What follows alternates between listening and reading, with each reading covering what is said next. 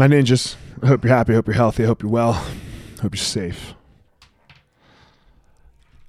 just going to talk a little bit about, uh, man, what for me right now is is very, very frustrating. And yes, it does have to do with coronavirus a little bit, obviously. so, man, you have everyone on one side screaming masks, masks, where you know, lock everything down, you know, oh my god, oh my god, you know, this is the world's coming to an end.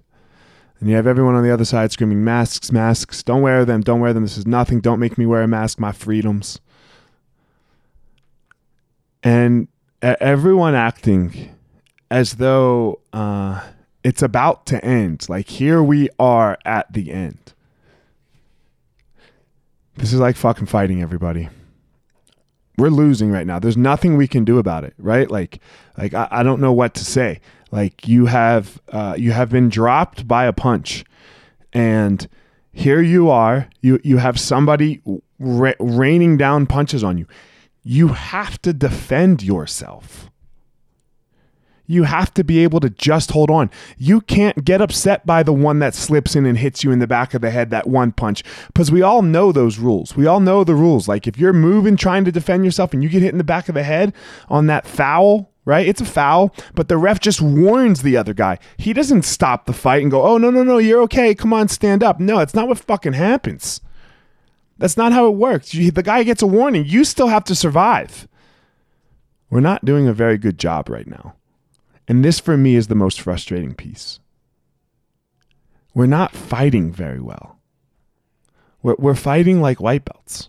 We're fighting like uh like just using all uh, oh my god this is going to get Donald Trump out. Oh my god this is going to get the dumb Democrats out. Done. Stop it. Stop it. Learn how to fucking fight. Learn how to have an arm around your neck and not tap out, not freak out. Just wait and see. This is this is the answer. We don't know what we don't even know what coronavirus is. it's, it's been 6 months. Just deal with hell. Just deal with bullshit. Of course it's bullshit. Whatever it is. And bullshit not in the sense that it's not true, just that it sucks. Yeah, it fucking sucks okay. This is when you find out what you're made of.